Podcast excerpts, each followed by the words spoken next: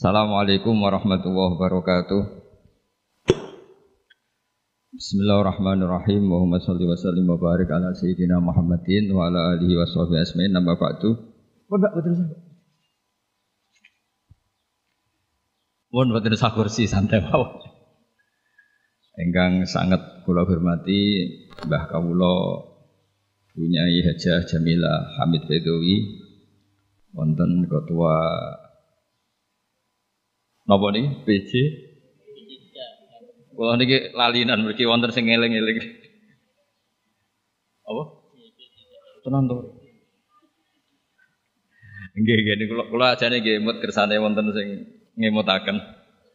JP3M Bu Hani Maftuhah wonten Mbah Nyai Ulfa Ismail saking Wonosobo dan kang kula hormati tidak lupa Menteri Agama yang juga putra Kiai Haji Khalil, cucu dari Kiai Bisri yang saya hormati, dan kang kula hormati.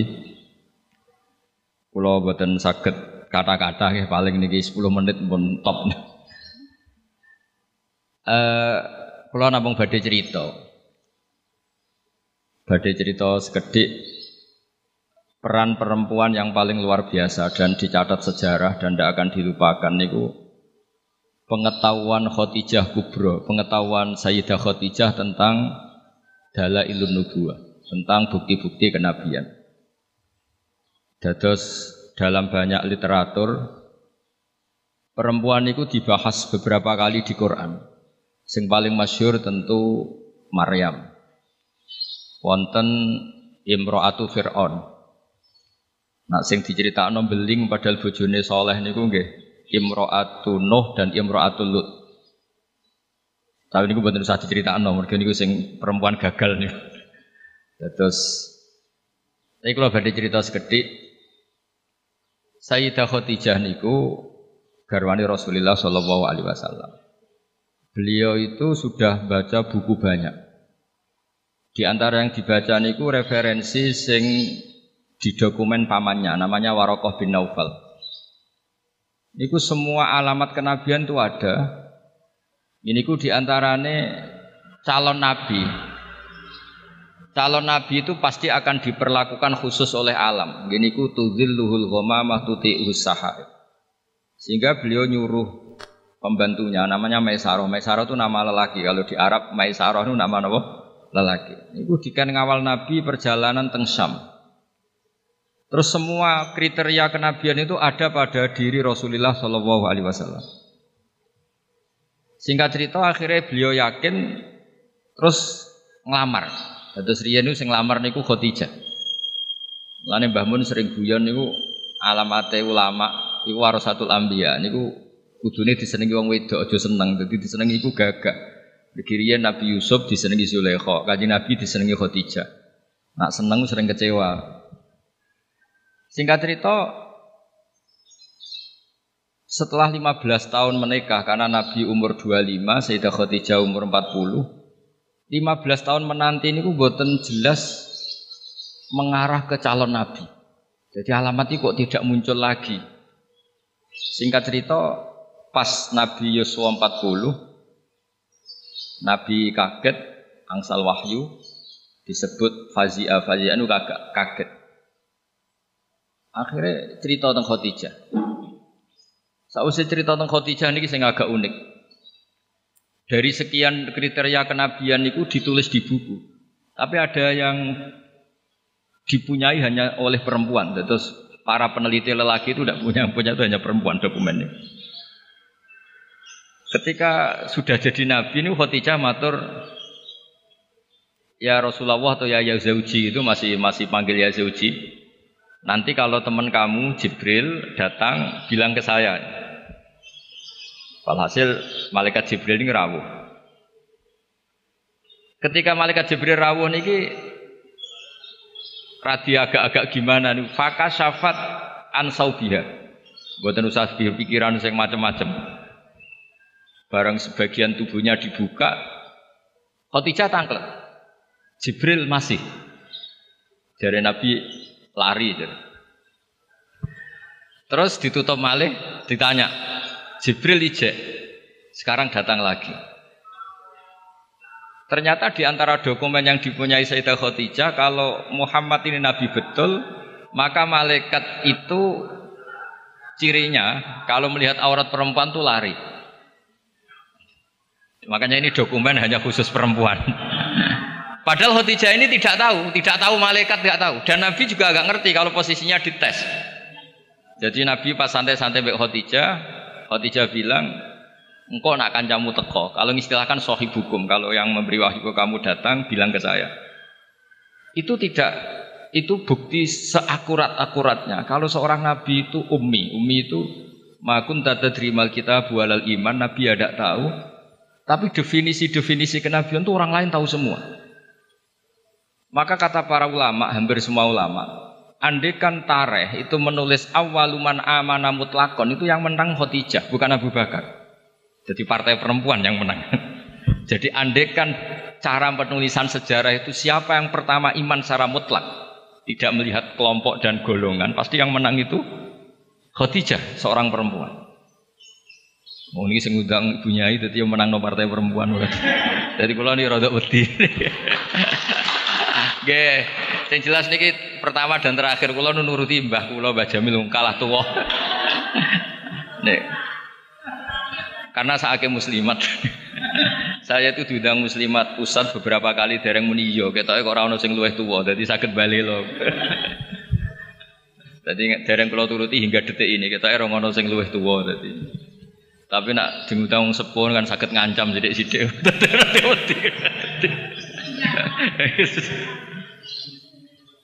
Kalau sederenge diundang temu ini diundang muslimat beberapa kali, tapi kalau dereng yo iya, ketoke kok kata sing nom dadi. Nggih Mbah mun dari sepuh, Mbah Jamil buyut kula boten Mbah, cuma kok bahasa buyut boten pati lazim dadi wong niku dulure buyut kula boten boten Mbah Malih pun buyut. Kula tak cerita. Jadi awal luman amana mutlakon itu harusnya Khadijah. Karena pertama yang diceritani kalau seorang nabi adalah Muhammad, bahkan sebelum nikah. Niku piyambake nikahi kanjeng Nabi berdasar itu calon nabi karena beliau lama sekali belajar mbek Waraqah bin Naufal. Nah ini yang punya ibunya juga harus tetap membaca.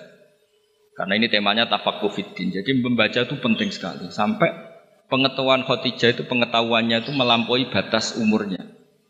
Beliau menikahi kanjeng Nabi berdasar referensi itu.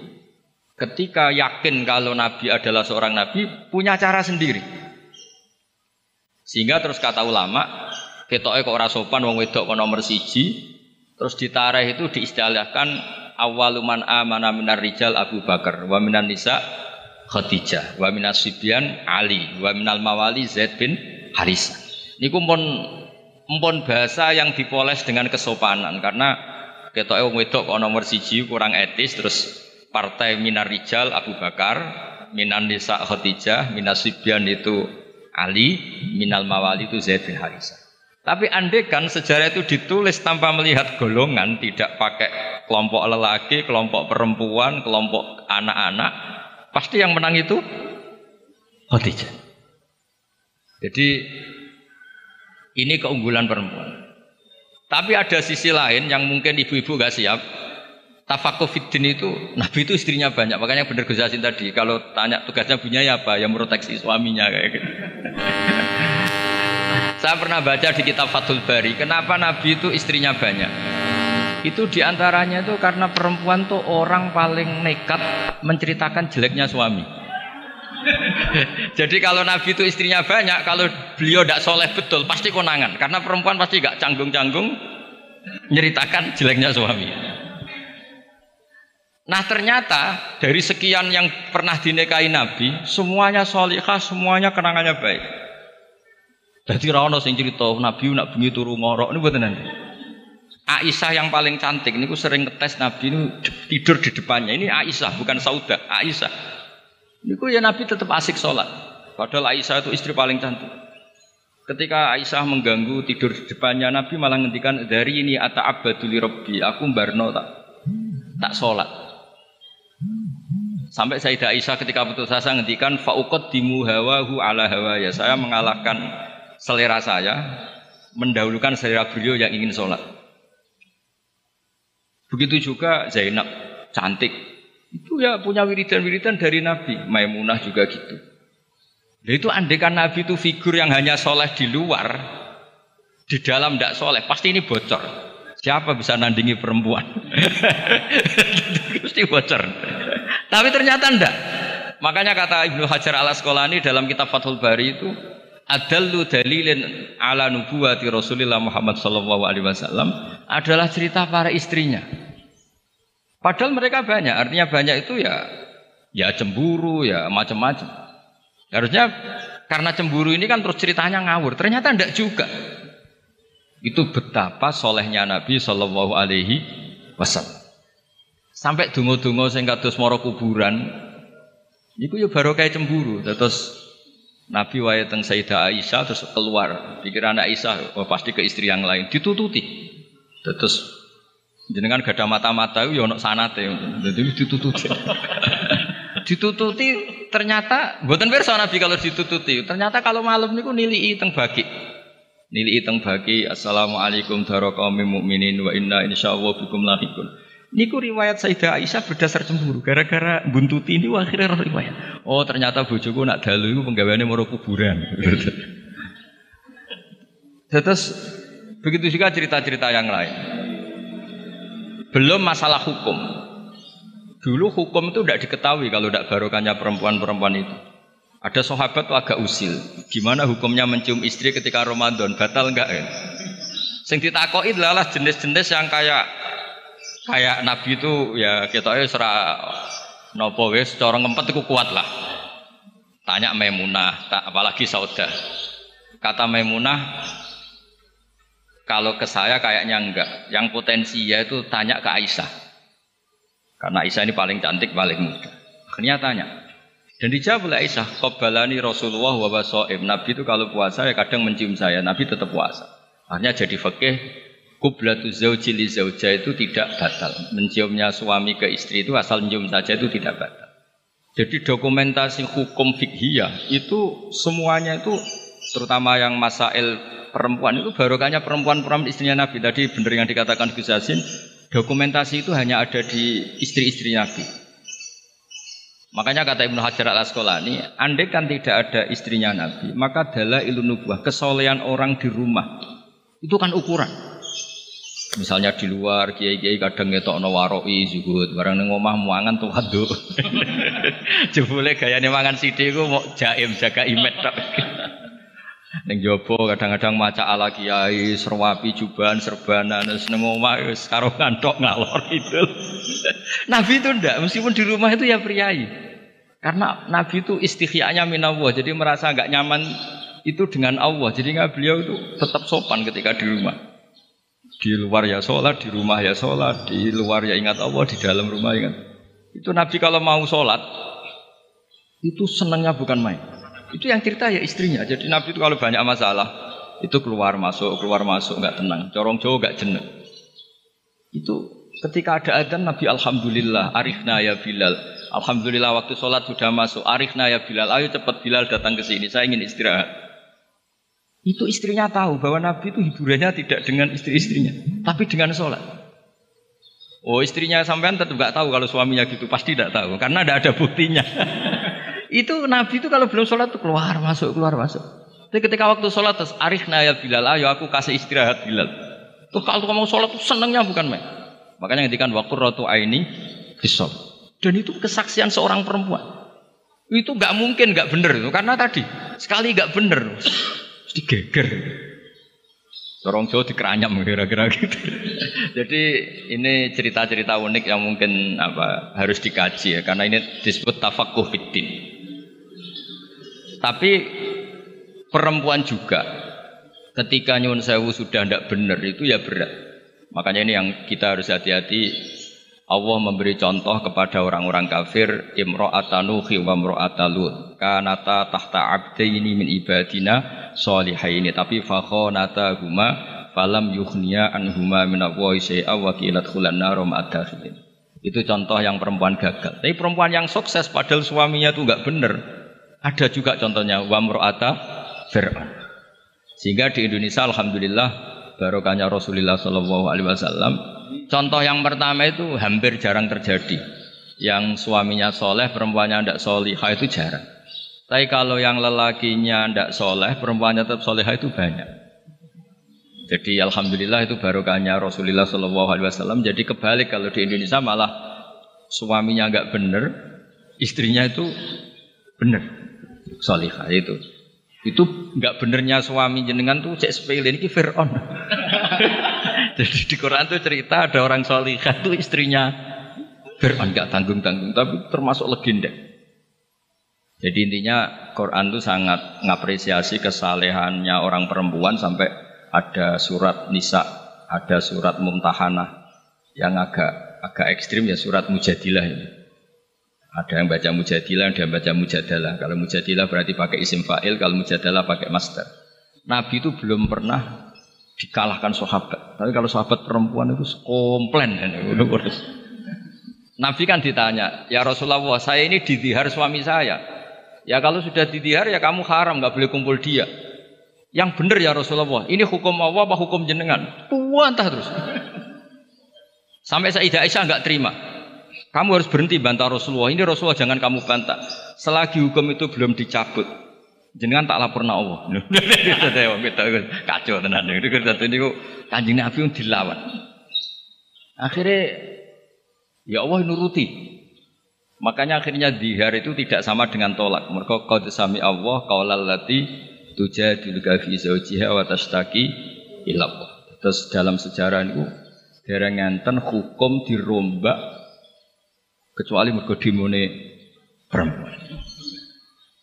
Terus wae cara Pak Hasim Musadirian itu ora ono kiai goblok kecuali mergo disentak bojone. Terus saking tope niku dikomplain. Kanjeng Nabi, ini Rasulullah dikomplain. Tapi komplainnya saya ini sakit kalau ijazah jenengan. Terus pas dikomplain itu Nabi gak pati nurut. Terus perempuan ini pulang, namanya Khawlah binti Sa'labah. Pulang sujud, ya Allah ini ketentuan Rasulullah berdasar hukum adat. Beliau juga gak ngakui kalau itu dari hukum Allah. Memang Nabi itu ada beberapa hukum yang Nabi sendiri kalau ditanya ada hukum fikih yang memang minawah ini nggak bisa diotak adik ada hukum yang dijalankan Nabi karena yang berjalan baru demikian. Ini mah agak jelimet di usul fikih. Yang nggak menekuni, saya mohon ini tidak jadi fitnah. Memang seperti itu. Jadi misalnya ada hukum-hukum yang kata dalam Islam itu kebaikan jahiliyah akan diteruskan dalam Islam dan keburukan jahiliyah akan dihentikan. Jadi kalau hukum jahiliyah itu bagus ya diteruskan. Makanya nikahul jahiliyah itu tidak ada yang dibatalkan oleh apa? Islam. Misalnya dua pasangan. Itu semua nikah kan zaman apa? jahiliyah karena nikah itu bagus ya Islam tidak perlu apa mentajdid lagi memperbarui lagi nah dihar itu zaman jahiliyah dianggap pantangan karena itu dianggap bagus ya Islam menetapkan dihar itu mirip tolak gitu. tapi yang ini dikomplain sama khawlah komplainnya nggak tanggung-tanggung dia ke kamar sholat sebanyak-banyaknya protes hukum ini ya Allah tolong dibatalkan Niku gara-gara kayak perhitungan ini gue dakek bujone niku ganteng suge. Nak. Jadi soal hasil kakean perhitungan ini. Tapi gak tanggung-tanggung, maturi langsung mbek pangeran watas taki ilap. Terus wa yasma'u tahawurakuma. Jadi Nabi itu debat. Nabi betul nanti di tamu lanang debat nih. Itu nanti. Jadi nak ono kiai kalah mbek bojo meneh tek kiai Kanjeng Nabi pun dilawan. Makanya itu masyur cerita itu di surat Mujadilah atau Mujadalah. Jadi kalau lati itu jadi luka. Jadi kalau pakai isim fa'il bahwa mujadilun berhubung mu'annas bahwa mujadilatun. Masdarnya mujadalah.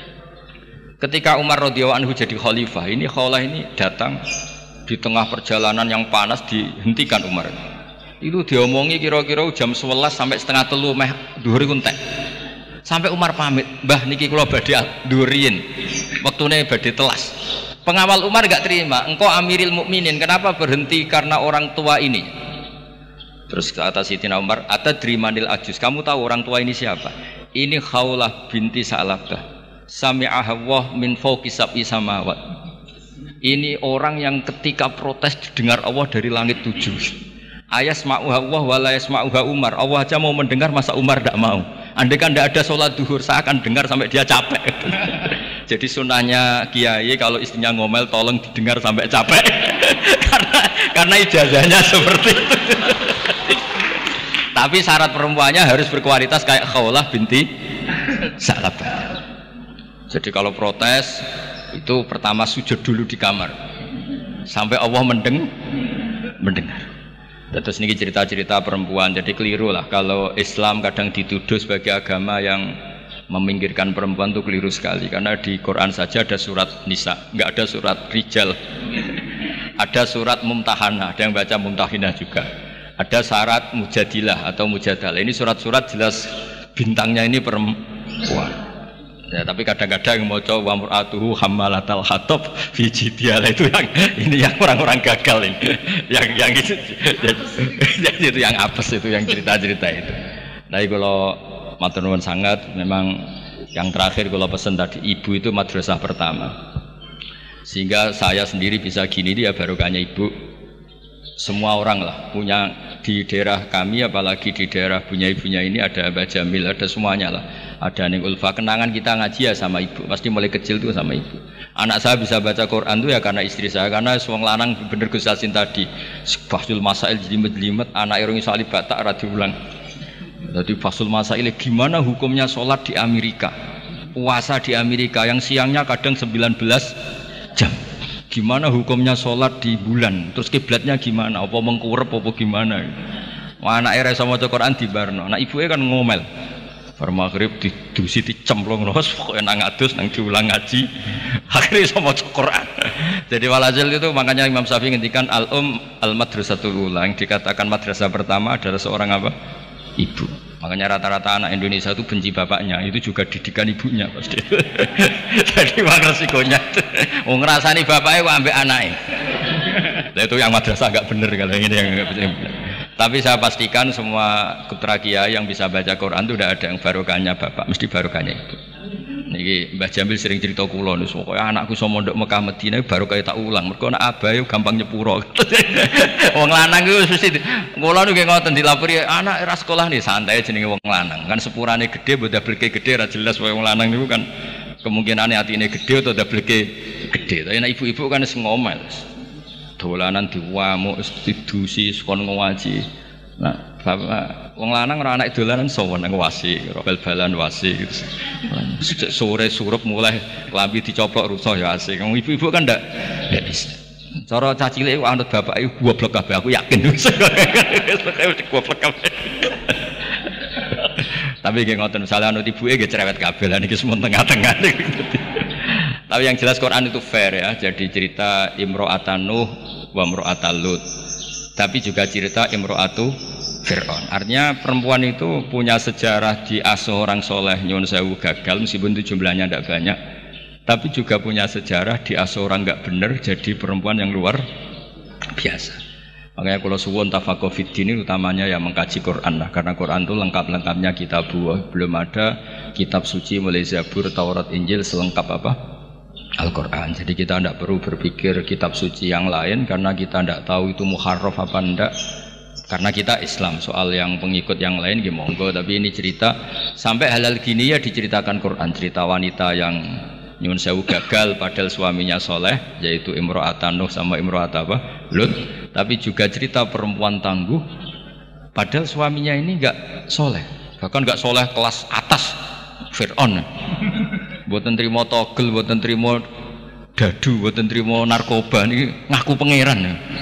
Niki sinten? Ewa semono niku nggih bojo solihah. Solihah standar dunia dan akhirat buatan solihah standar organisasi.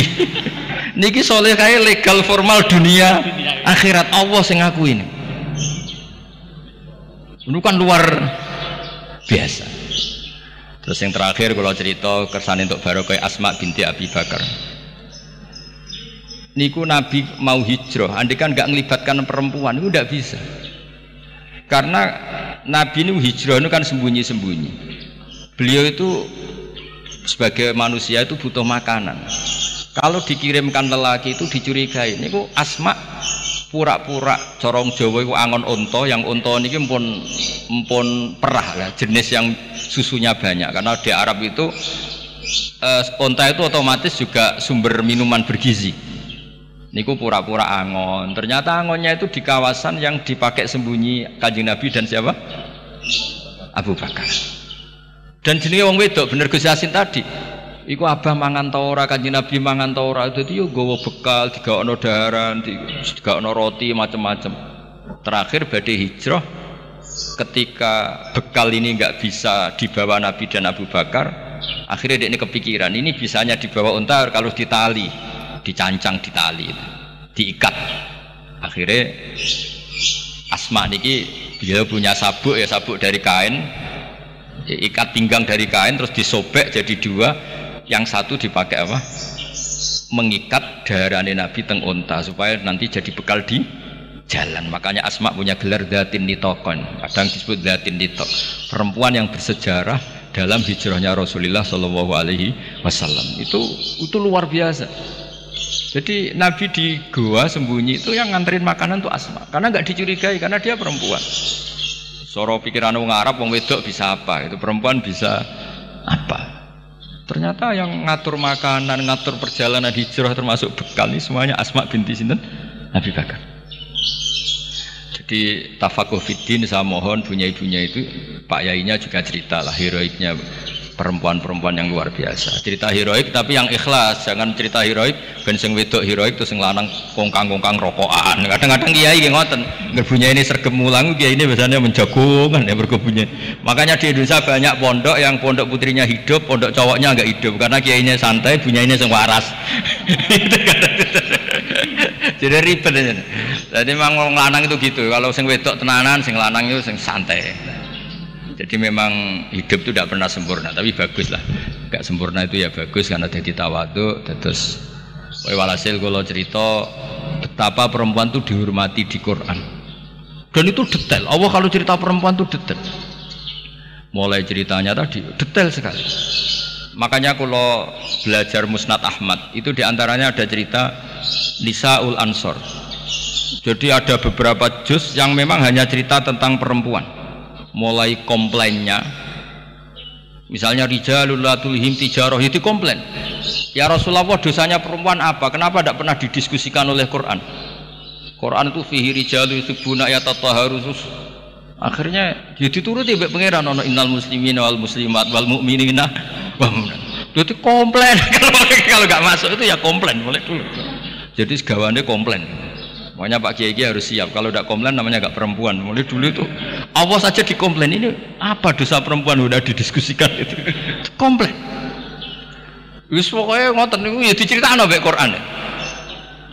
Tapi kata kata Ibnu Hajar al Asqalani dalam kitab Fathul Bari tadi, adallu dalilin ala nubuwati Rasulillah sallallahu alaihi wasallam adalah cerita semua istrinya. Biasanya maru itu kan nggak cerita baik, doroh itu doroh itu orang kalau nikah banyak itu biasanya kan ceritanya semrawut. Tapi Nabi itu karena di rumah benar-benar soleh, hiburannya itu sholat, hiburannya itu religius. Istrinya Nabi itu nggak bisa berbuat apa-apa. Ya memang bersaksi kalau beliau itu seorang Nabi. Itu kalau Aisyah cerita, oh, Nabi kalau dengar adzan tuh senengnya bukan main. Sampai bilang ini waktu istirahat saya. Kalau malam itu istilahkan gitu. Dari ini ata'abbadu li rabbi, aku barno, aku tak sholat. Itu kalau sholat ya malam sampai pagi. Dan itu ketika di Aisyah bukan di Sauda. Kalau di Sauda mungkin para papa, ya semanjan Sauda, ya mesti wae sholat tingkat. ini di cerita ini cerita Sayyidah Aisyah. Banyak kiai istrinya tidak tanci saja gak tahajud. Lah iku nak bojone ayu semalar atau tahajud kan. Ini Sayyidah siapa? Aisyah. Zainab juga gitu.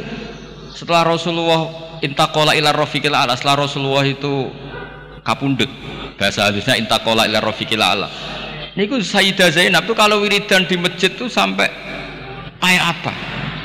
Alasannya ya kenangannya sama Nabi. Beliau kerja jadi penenun, dijual, terus disodakohkan. Itu ketika ditanya, kenapa kamu suka sodakoh?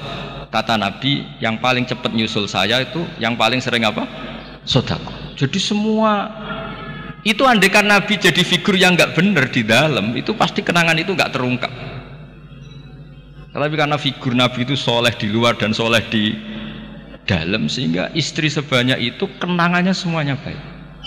Jadi intinya Islam juga mencatat kesaksian nubuah itu adalah sebagian besar juga dari seorang apa?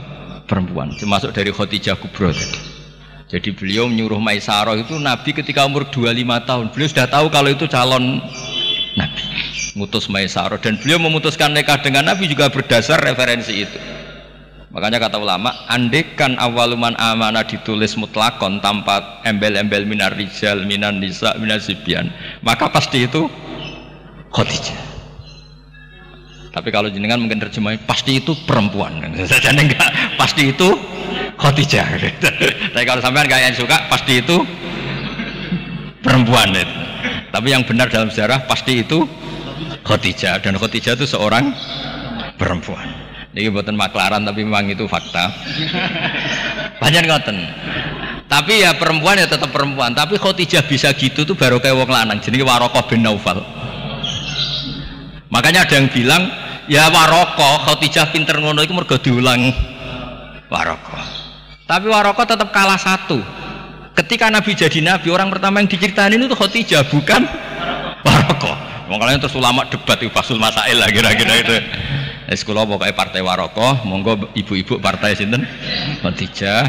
Tapi yang didokumentasi secara akhlak kita sopan, sopan kabeh disebut awaluman amanah minar rijal Abu Bakar wa minan nisa Khadijah wa minas Ali wa minal mawali Zaid bin Harisa supaya semuanya awal. Kayak model sekarang lah kayak ketua NU itu kan tidak ada wakil. Soalnya kayak sepuh kok wakil gak ngergani kan ketua ketua ketua kan. itu juga bagian dari adab. Kan gak etis kan misalnya ketuanya siapa terus wakilnya ternyata ki alim sepuh wakilnya wong wak, alim kok wakil sepuh kok. Akhir sekarang di struktur organisasi kan semuanya kan ketua. Jadi kayak ya di PBNU di PB ya semuanya modelnya gitu. Itu itu termasuk terinspirasi tadi untuk mengukur awaluman amanah supaya semuanya awal disebut awaluman amanah apa minar rijal Abu Bakar wa minan Nisa terus wa minas Sibyan terus wa minal mawali Oke, ngoten ngapunten ingkang kathah. Assalamualaikum warahmatullahi wabarakatuh.